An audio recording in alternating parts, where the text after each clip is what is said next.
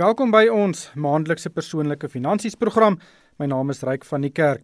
Die finansiële dienste groep Alexander Forbes is een van die grootste groepe wat pensioen- en aftreefondse namens groot maatskappye administreer en bestuur. Die groep hanteer al die pensioenfonds bydraes van werknemers by hierdie maatskappye terwyl hulle ook die administrasie doen as werknemers uit hulle poste bedank.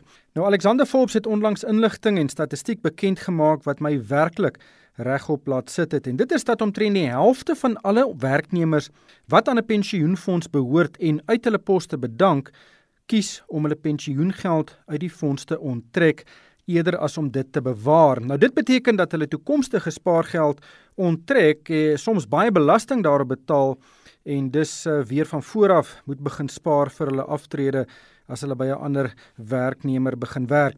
Nou dit is volgens my een van die grootste finansiële foute wat enige persoon kan maak. Jaco Prinsloo is 'n finansiële raadgewer by Alexander Forbes en hy is op die lyn. Jaco, baie welkom by die program. Julle data wys dat net 53% van mense hulle pensioengeld na 'n bewaringsfonds oordra en dit beteken 47% van mense onttrek hulle spaargeld. Hoe vergelyk dit met vorige tendense wat julle al gesien het? Ryk as mens kyk na die data, is daar nou meer mense wat hulle fondse onttrek as in die verlede. En ek dink dit kan maar net toegeskryf word aan die druk waaronder die gemiddelde man op die straat is as gevolg van die huidige ekonomiese toestande. So die situasie vererger eintlik net en soos wat jy net nou voor gesê het, dit is seker die grootste dreigement om seker te maak jy kan suksesvol aftree. Is die feit dat jy fondse onttrek voor aftrede.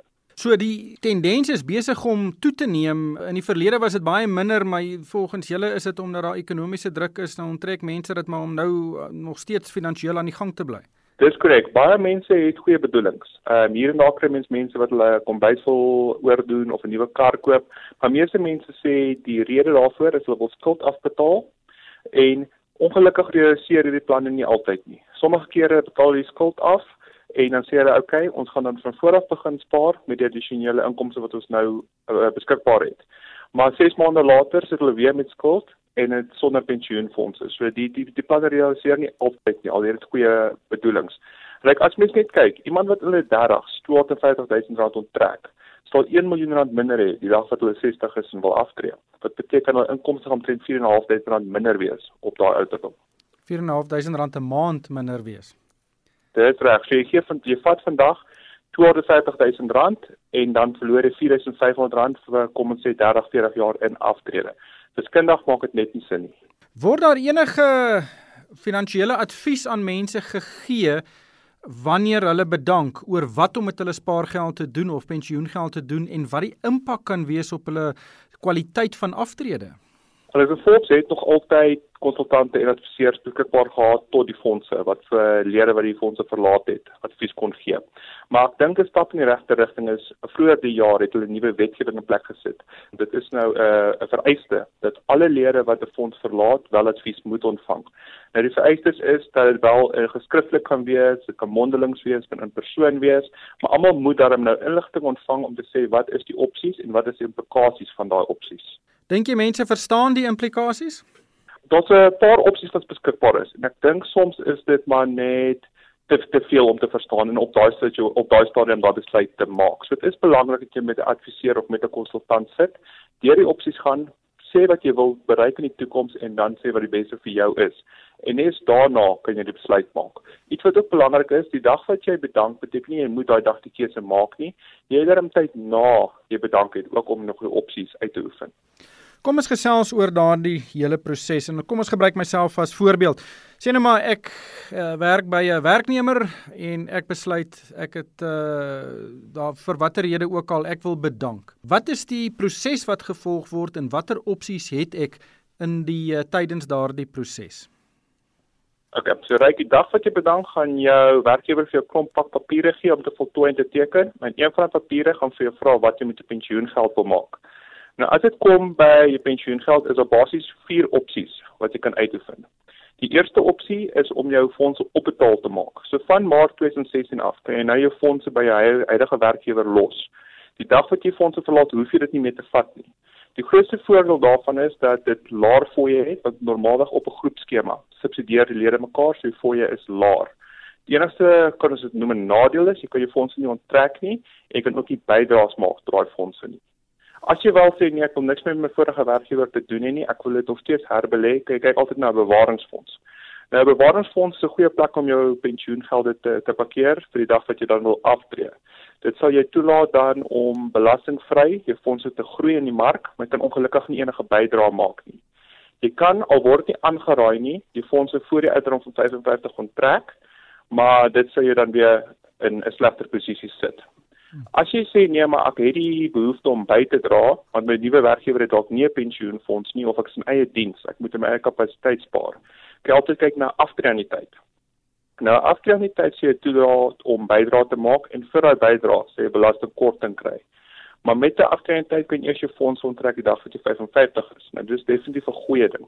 So dit beteken van die dag wat jy bedank tot die dag wat jy aftree, gee jy uh, gee jou kapitaal belastingvry. So dit beteken betaal nie enige dividende, rente, inkomste of kapitaalwinsbelasting nie. En dan laastens kan jy dit vat in kontant. Nou dink ek dit dink ek moet die laaste opsie wees of glad nie eens 'n opsie wees nie. Maar as jy besluit om dit te vat in kontant, dan gaan jy belasting betaal. Die eerste R25000 is normaalweg belastingvry as jy nog nie 'n belastingvrye gedeelte gebruik het nie en op die res gaan tussen 18 en 36% belas word. Nou ryk net om jou idee te gee, as mens die fondse vat in kontant, is dit basies soos mense net voor die uh, die windskep met 'n 30 km resies en dan moet mens weer van voor af begin. En dit is definitief nie die die beste opsie nie. Kom ons kyk gou weer na die individuele opsies. Die eerste ene is jy los jou geld by jou werknemer. Dit beteken as ek vir 'n groot maatskappy werk, byvoorbeeld uh die maatskappy het sy eie pensioenfonds, jou geld bly in daardie pensioenfonds. Hoe kry jy dan toegang daartoe? Werk jy dan deur 'n finansiële raadgewer? Moet jy met die administreerder gesels? Moet jy met jou ou uh, maatskappy gesels? Hoe werk dit? So die fondse sal dan herbelê word, dit sal dan aanhou groei. Jy sal kwartaalliks state kry wat rapporteer op hoe jou fondse presteer het in die vorige kwartaal. En die dag wat jy veranderings wil maak of selfs aftree of onttrekking wil maak, dan sal jy nou die administrateur of die die raadgewer kontak. Hulle sê dan help daarmee. Daar's geen rede vir jou om met jou vorige werkgewer te kontak te maak as jy nie sou wou nie. En as jy bekommerd is dat hierdie onderneming dalk gaan vou of finansiële probleme gaan kry, gaan dit jou pensioengeld enigsins raak glad nie. So die dag wat jy as jy besluit om jou fondse opbetaal te maak en jy los dit by jou vorige werkgewer. Die dag wat jy anders te voel kan jy nog al die ander opsies uitoefen. So jy kan enige stadium daarna, 2 dae, 2 maande of 20 jaar later besluit nee, ek wil liewer dit oorskryf na bewaringsfonds toe wat in my persoonlike ordanigheid belê word. Jy kan afskryf oorskryf na 'n uh, afdrentiteit toe of dit vat in kontant. So in daai manier word jou opsies glad nie beperk nie. Jy kan enige tyd dit nog steeds uitoefen. Die tweede opsie was 'n bewaringsfonds. Nou ek weet ons praat van aftreefondse, uittreefondse, pensioenfonse. 'n Bewaringsfonds is 'n interessante ding. Al wat dit doen is dit hou jou geld, jou spaargeld in die aftree omgewing. Dit is basies maar net 'n houer waarin jou geld gaan. Jy gaan dit nog steeds in uh, onderliggende effekte trusts belê. Kan jy miskien vir ons die meganika van 'n bewaringsfonds? So ryk is 100% korrek. Dit is basies 'n parkeerplek. Jy skryf vir ons oor na bewaringsfonds toe. Dit sal of dan 'n voorsorg bewaringsfonds wees of 'n pensioen uh bewaringsfonds wees. Dit sal dan in die markte belê wees. Jy sal dan gereguleer word deur regulasie 28 wat beteken daai buitelandse limiet sal plek wees en die fondse sal dan net lê en groei. As jy nie gemaklik is met jou beleggingskeuse nie, kan jy altyd jou beleggingsstrategie verander voor aftrede. Daar's geen beleggingstermyn nie. So jy kan dit los tot die dag wat jy wil aftree, wat 60 is, 70 is, 80 is. En as jy dalk 'n behoefte het om dit voor te onttrek, kan jy ook 'n eenmalige onttrekking maak. Normaalweg wat mense sien is mense sal dan die fonds net oorskryf na 'n bewaringsfonds toe en dit daar los. En dis eintlik die ideale scenario waar jy dit al van vergeet, 30 jaar later die dag wat jy wil aftree, dan het jy toegang tot jou fondse. Maar wie besluit waarin daardie geld belê gaan word? Jy besluit as die dit basies jou verantwoordelikheid as belegger, maar jy kan altyd uh, staat maak op 'n finansiële adviseur om vir jou advies te gee. So jy neem baie meer beheer eintlik oor as dit byvoorbeeld in 'n in jou ou werkgewer se pensioenfonds bly wat 'n pensioenfonds bestuurder bestuur. In hierdie geval met 'n bewaringsfonds kan jou finansiële raadgewer vir jou raad gee om eerder in uh, verskillende fondse te belê. Dis reg. Dis 'n groot verskil tussen wanneer jy by 'n werkgewer 'n groepskema is. By 'n groepskema het jy normaalweg trustees van 'n fonds wat jy sal hê om regte besluite te maak en ook jou belange sal beskerm op 'n groepsvlak. Maar sodra dit oorskuif na bewaringsfonds toe, is dit joune. Dan word herbelê in jou eie persoonlike kapasiteit en jy word verantwoordelik daarvoor. As jy voel jy het nie die nodige vaardighede om jou eie fondse te bestuur nie, dan kan jy altyd 'n raadgewer um, raadpleeg om jou te help om te help met daardie besluite. Wat kos dit om jou geld van jou pensioenfonds te onttrek en dit dan in 'n bewaringsfonds te plaas? Dis normaalweg geen kostes betrokke nie. Mens kry wel adviseurs wat 'n eenmalige fooi sal vra om oordrag te doen, maar mense sien dit is dan nie meer so baie nie. Die derde opsie, 'n uittreë anniteit of 'n aftree anniteit, dit is basies dieselfde as 'n pensioenfonds hoewel dit nie deel is van 'n maatskappy se pensioenfonds nie. Jy as 'n individu neem dit iewers uit.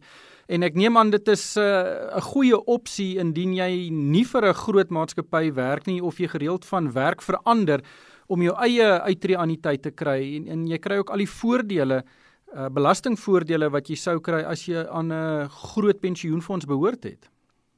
Ryk as jy kyk na die data, omtrent 47% van die mense is heidaglik net vir 1 jaar in hulle uh, huidige werksposisie en 36% is minder as vir 2 jaar in hulle huidige posisie. So dit sê vir jou in die mark is daar baie verwikkelinge, baie verskywings onder die lede. So afkrediteit is definitief 'n goeie opsie waar jy ook die eienaar is van die polis. So jy het nou weer die verantwoordelikheid om seker te maak dit word reg bestuur en jy het ook 'n keuse om te besluit hoe dit belê moet word. Regulasie 28 gaan weer geld, maar die grootste grootste voordeel van 'n afkrediteit in my opinie is die feit dat mens enige bydraes kan afskryf. Een ding wat mense net moet duidelik maak is baie keer skuif mense 'n fonds oor van 'n werkgewerfonds oor na afkrediteit toe en hulle verwag dan dat daai oordrag ook sal geld om hulle belastingkorting te gee. Maar ongelukkig geld dit nie. SARS sê dat net bydrae wat gemaak is met uh besteedbare inkomste geld vir belastingkorting om die belastingimplikasie te verminder. Wat gebeur as jy nou by verskeie maatskappye werk of jy werk en jy bedank en jy gaan kry 'n ander werk en jy spring van een werk na 'n ander ene, kan dit 'n situasie skep waar jy veelvoudige bewaringsfondse het, sou jy nou besluit om jou geld dan uh, oor te skuif na 'n bewaringsfonds nadat jy elke keer bedank het? Daar is geen implikasies of van wees, daar's geen wetgewing of geen reëls wat sê mag nie meer as een fonds hê nie. Dit maak normaalweg sin om jou fondse te konsolideer net solank jy weet dit is by 'n stewige, 'n veilige administreer. Dit maak administrasie net daarvan 'n bietjie maklik en normaalweg sal hulle die fooie ook verlaag as jy meer as een fonds het met 'n groter bedrag. Maar ryk ook iets wat mense baie keer sien is, omdat mense miskien vroeg in hul vroeë 30s en 40s sê die die lewe is onvoorspelbaar, hulle weet nie of hulle die geld gaan benodig vir hulle 55 is nie. As hulle bedank sit hulle in 'n bewaringsfonds, maar baie keer het hulle dan nog steeds die behoefte om bydrae te maak. So dan 'n aparte aftredingtyd sal dan geskep word. Dan jy bewaringsfonds wat jy geld vir jou vashou wat jy nou met die jare bymekaar gemaak het en dan jy addisionele aftredingtyd wat jy toelaat om nog maandeliks by te dra en jou spaargeld te groei vir aftrede. Die kombinasie sou jy kan die produkte ook kombineer om met vir, vir jou um, omstandighede 'n beter resultaat te gee. Die laaste opsie wat jy genoem het is natuurlik die slegste ene en dit is om jou geld te onttrek. Wat is die proses daar? Ek neem aan mense gaan nou hierdie vier keuses hê wat aan jou verduidelik word in die vorm wat aan jou gegee word om te teken wat jy nou vroeër na verwys het. Maar wat is die proses om daai geld te onttrek? Ryk, dis vir weer terugkom op daai vorms. Op die vorms sal jy dan invul jy wil dit wel onttrek. Van administrasie oogpunt af sal hulle dan te SARS kontak, 'n belastingdirektief aanvra sodra ons daai goedkeuring kry sal die fondse so tussen 3 en 4 weke later aan jou uitbetaal word sonder die belasting. Die belasting sal teruggehou word, oorbetaal word aan SARS en jy sal die belastingvrye gedeelte in jou bankrekening ontvang. Sal die administreerder of die trustees van die pensioenfonds jou nie net 'n oproep moet gee of 'n e-pos moet stuur en sê luister as jy seker oor wat jy nou gaan doen nie want die langtermyn implikasies kan geweldig wees. Sommige fondse het daai opsie waar hulle konsultante spesifiek op daai fonds vir jou advies gee. So voordat jy enige ontrekkings kan maak, moet jy eers met 'n adviseur of 'n konsultant ontmoet. Maar die meeste fondse het dit ongelukkig nie, as net as gevolg van die feit dat dit baie duursaam kan wees om daai advies te gee. Maar soos ek voorgesê het, reik die die nuwe wetgewing maak dit baie meter, baie beter en gee ook baie meer inligting vrygewig. So as mens nou weggaan by 'n werkgewer, sal mens nou uh, daai daai daai kommunikasie ontvang. Ons kry gereeld navrae van mense wat vir die regering werk wat in die staatsdiens is oor of uh, hulle moet bedank omdat hulle bekommerd is oor die welstand van die regering se pensioenfonds. Die fonds was natuurlik in die die afgelope tyd vir die verkeerde redes in die nuus en dis natuurlik 'n vaste voordeelfonds. Natuurlik is die die raad gewoonlik moet asseblief nie uit die fonds uit moenie bedank net om toegang tot jou geld te kry nie. Maar wat is die situasie met uh, die regering se pensioenfonds? As jy daar bedank, kan jy dit dan oordra na 'n bewaringsfonds toe? Jy kan, maar jy gaan baie van die voordele verloor. Uh byvoorbeeld met die staatspensioenfonds het mense addisionele mediese fondsvoordele, mense het begrafnisvoordele en as mens kyk na die inkomste wat hulle vervang na aftrede, veral as, as jy vir meer as 10 jaar vir die staat gewerk het, kan die private sektor net nie kompeteer nie. Ryk soos wat jy gesê het, in meeste gevalle, 99% van die ge gevalle is dit nie die regte keuse nie. Iemand wat bekommerd is oor die fonds, sal ek aanraai om leerders net te fokus op die dinge wat mens wel kan beheer. En dis om seker te maak dat mens nog steeds spaar, wat se fooie mens betaal om seker te maak as jy wegbeweeg dat jy weer herbelê en ook die beleggingsstrategieë probeer om nie om die markte te speel nie. Hoeveel belasting betaal jy op sulke onttrekkings? Dit sal maar afhang van jou fondsbedrag. Dit word op 'n glyskaal uitgewerk, maar om jou idee te gee, as jy miljoen rand onttrek, sê omtrent so 800 830 000 rand na belasting ontvang. So jy gaan 170 180 000 rand se belasting betaal. Dis korrek ja. En ons ook dan almal kry as jy R25000 belastingvry vir onttrekking en dan aftrede is dit R500000. As jy die R25000 voorgebruik het, word dan R475000. Maar waar basies kom dit neer op die feit dat jy R500000 belastingvry van al jou fondse reg oor jou lewe kan onttrek. Ek sal aanraai dat dit daar gespaar word vir die dag wat jy wil aftree om dan daai gedeelte te vat om dit te herbelê as 'n noodfonds of om jou inkomste aan te vul. Is dit 'n opsie vir mense wat bedank om nou maar die pak slaaf van die belasting te vat, die belasting te betaal en dan daai geld te gaan belê, die nabelaste geld te gaan belê vir hulle aftrede eendag. Het jy al die som gedoen oor of jy dan beter kan doen as jou geld onttrek, jy belasting betaal self belê of dit te los in 'n bewaringsfonds of in 'n pensioenfonds waar jy natuurlik die belasting eers later in jou lewe gaan betaal? Ryk ons hierdie sommer gedoen. Wat is baie keer kry is mense soos net gesê het, mense sê nie hulle wil 'n verband afbetaal want dan hulle meer kontant op beskikbaar is en dan gaan dit dan betaal. Maar as mense 'n voorbeeld gebruik vir iemand byvoorbeeld 'n verband het van 'n miljoen rand. En kom ons sê sy verband per maand was dan 10000 rand 'n maand, dit beteken as hy sy verband afbetaal het net 10000 rand meer. Of spaar hy 10000 rand vir 20 jaar, sal aan die einde van die termyn nie kan bykom by die miljoen rand wat gegroei het nie. En die enigste rede daarvoor is dat die bydrae wat jy nou weer moet begin maak, die kapitaal wat jy nou weer van vooraf moet begin opmaak, kan net nie die voordele van saamgestelde rente bybly nie. So met tyd en met die saamgestelde rente kan mens net nie bybly nie. So sal nog steeds beter wees om die kapitaal wat jy het te herbelê in 'n bewaringsfonds of 'n aftreiniteit.